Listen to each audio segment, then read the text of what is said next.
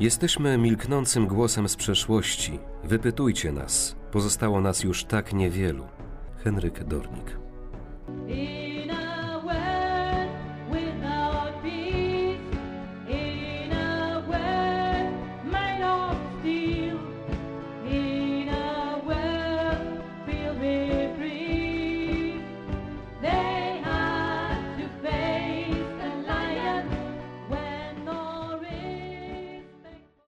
Moim pragnieniem jest utrwalić to wyznanie prawdy, odgrzebane z dawnych popiołów historii, aby choć w pewnej mierze mogło przyczynić się do lepszego zrozumienia postawy świadków Jehowy, którzy byli gotowi zapłacić najwyższą cenę swego życia i okazać miłość do Boga oraz do bliźnich.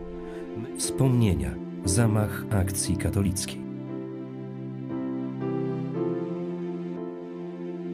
To już był lipiec 45 roku.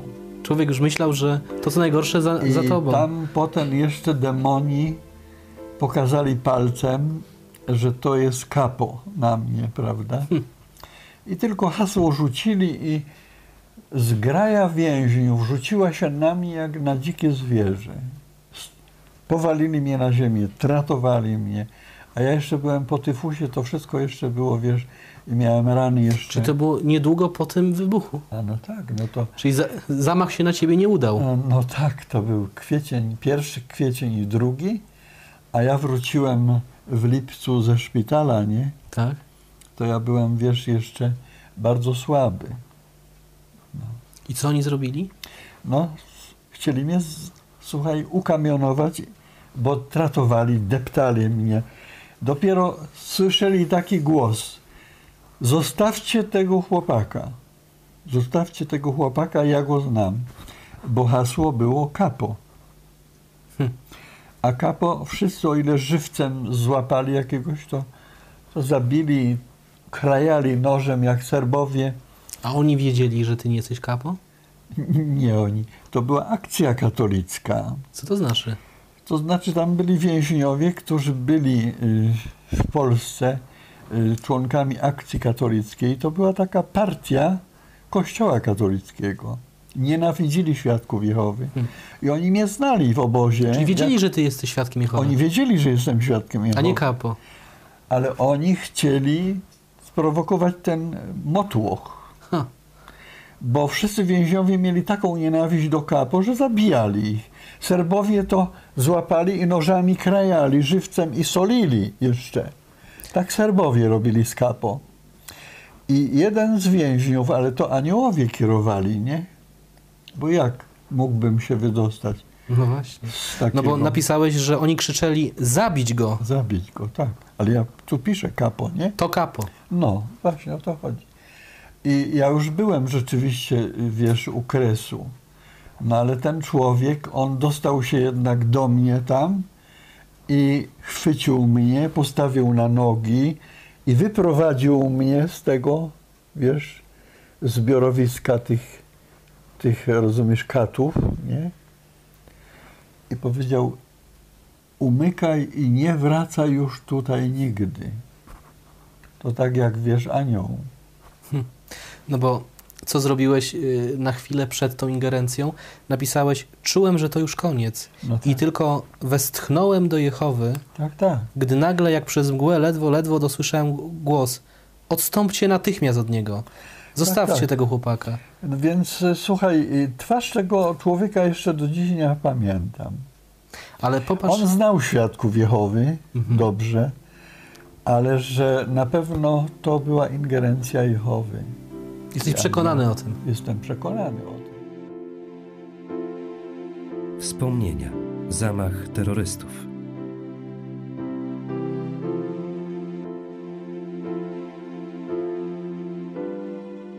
Kiedy mnie pobito w 90 roku, napadnięto mnie w Wiedniu, nie? Ja tu też opisałem to. I to ta sama sytuacja była, że, że napadli mnie na stacji metra w Wiedniu. Słuchaj, takimi kastetami żelaznymi, wiesz, to, by, to było dwóch młodych mężczyzn ładnie ubranych i masakrowali mnie. Nos miałem cały zmasakrowany, połamany. leżałem w klinice y, w Wiedniu, nieprzytomny.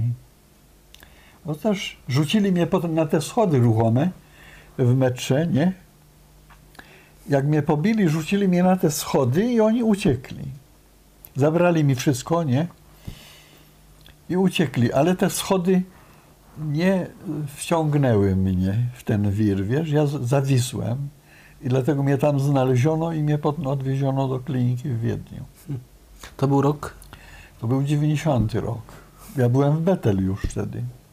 i ty byłeś w Wiedniu w jakim celu? Ja byłem na, na wykładem pamiątkowym, polskojęzycznym zborze. I po tym zebraniu, po tym... E, Po wykładzie na drugi dzień była zbiórka do służby. Pojechałem do służby e, ze zbiórki i nie przyszedł, e, nie przyjechał brat po mnie, który obiecał, że mnie odwiezie na kwaterę. Nie przyjechał, ja jechałem tramwajem i to się dlatego stało, bo jechałem potem metrem i ci zamachowcy za mną szli.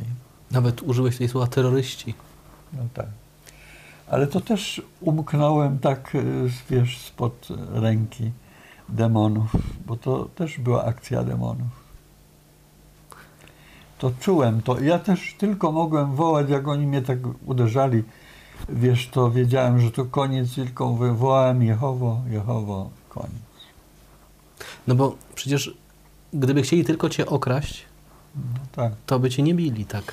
Nic nie wiemy i policja nigdy ich nie złapała.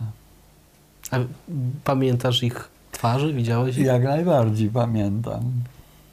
Pięknie wyglądali, przystojni mężczyźni. Ilu ich było? Dwóch. I oni cię od tyłu napadli, czy z przodu? Nie, więc ja jechałem tymi schodami do góry Na schodach to. w metrze. Jak wyjechałem do góry już na przystanek, bo tam był Tak. przystanek autobusowy. nikogo nie było. I była ta tablica, ja stałem, a oni się pytali mnie y, o rozkład jazdy. I ja im pokazuję, nie? I w międzyczasie, jak ja pokazuję, to ten jeden już mi zadawał cios w twarz, nie? I powalili mnie na ziemię. I nie było nikogo.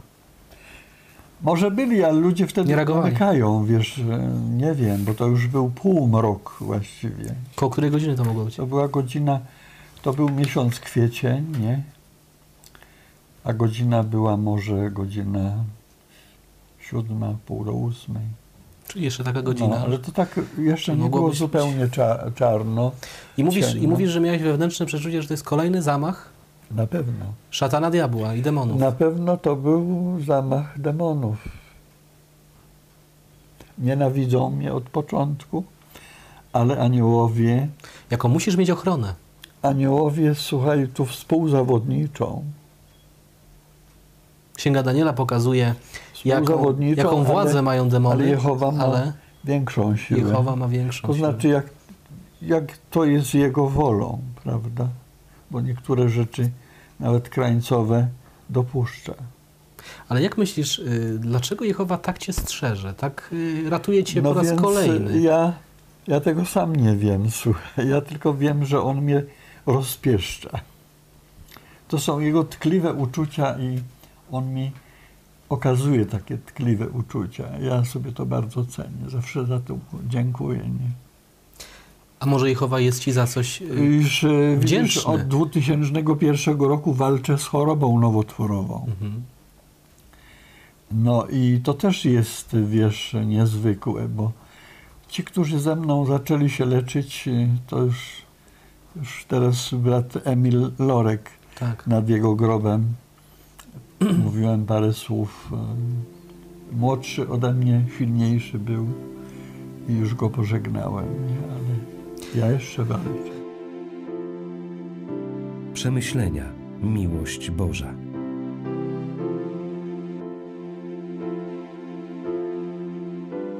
W kwestii spornej, podobnie jak Hiob, dajesz piękną odpowiedź na, na zarzuty No postawione ja przez sobie to szatana. cenię, wiesz, zawsze, bo bez y, pomocy Jehowy ja bym dawno był zmieciony z, ze sceny świata. I dlatego napisałem, wytrwałem tylko dzięki miłości Bożej.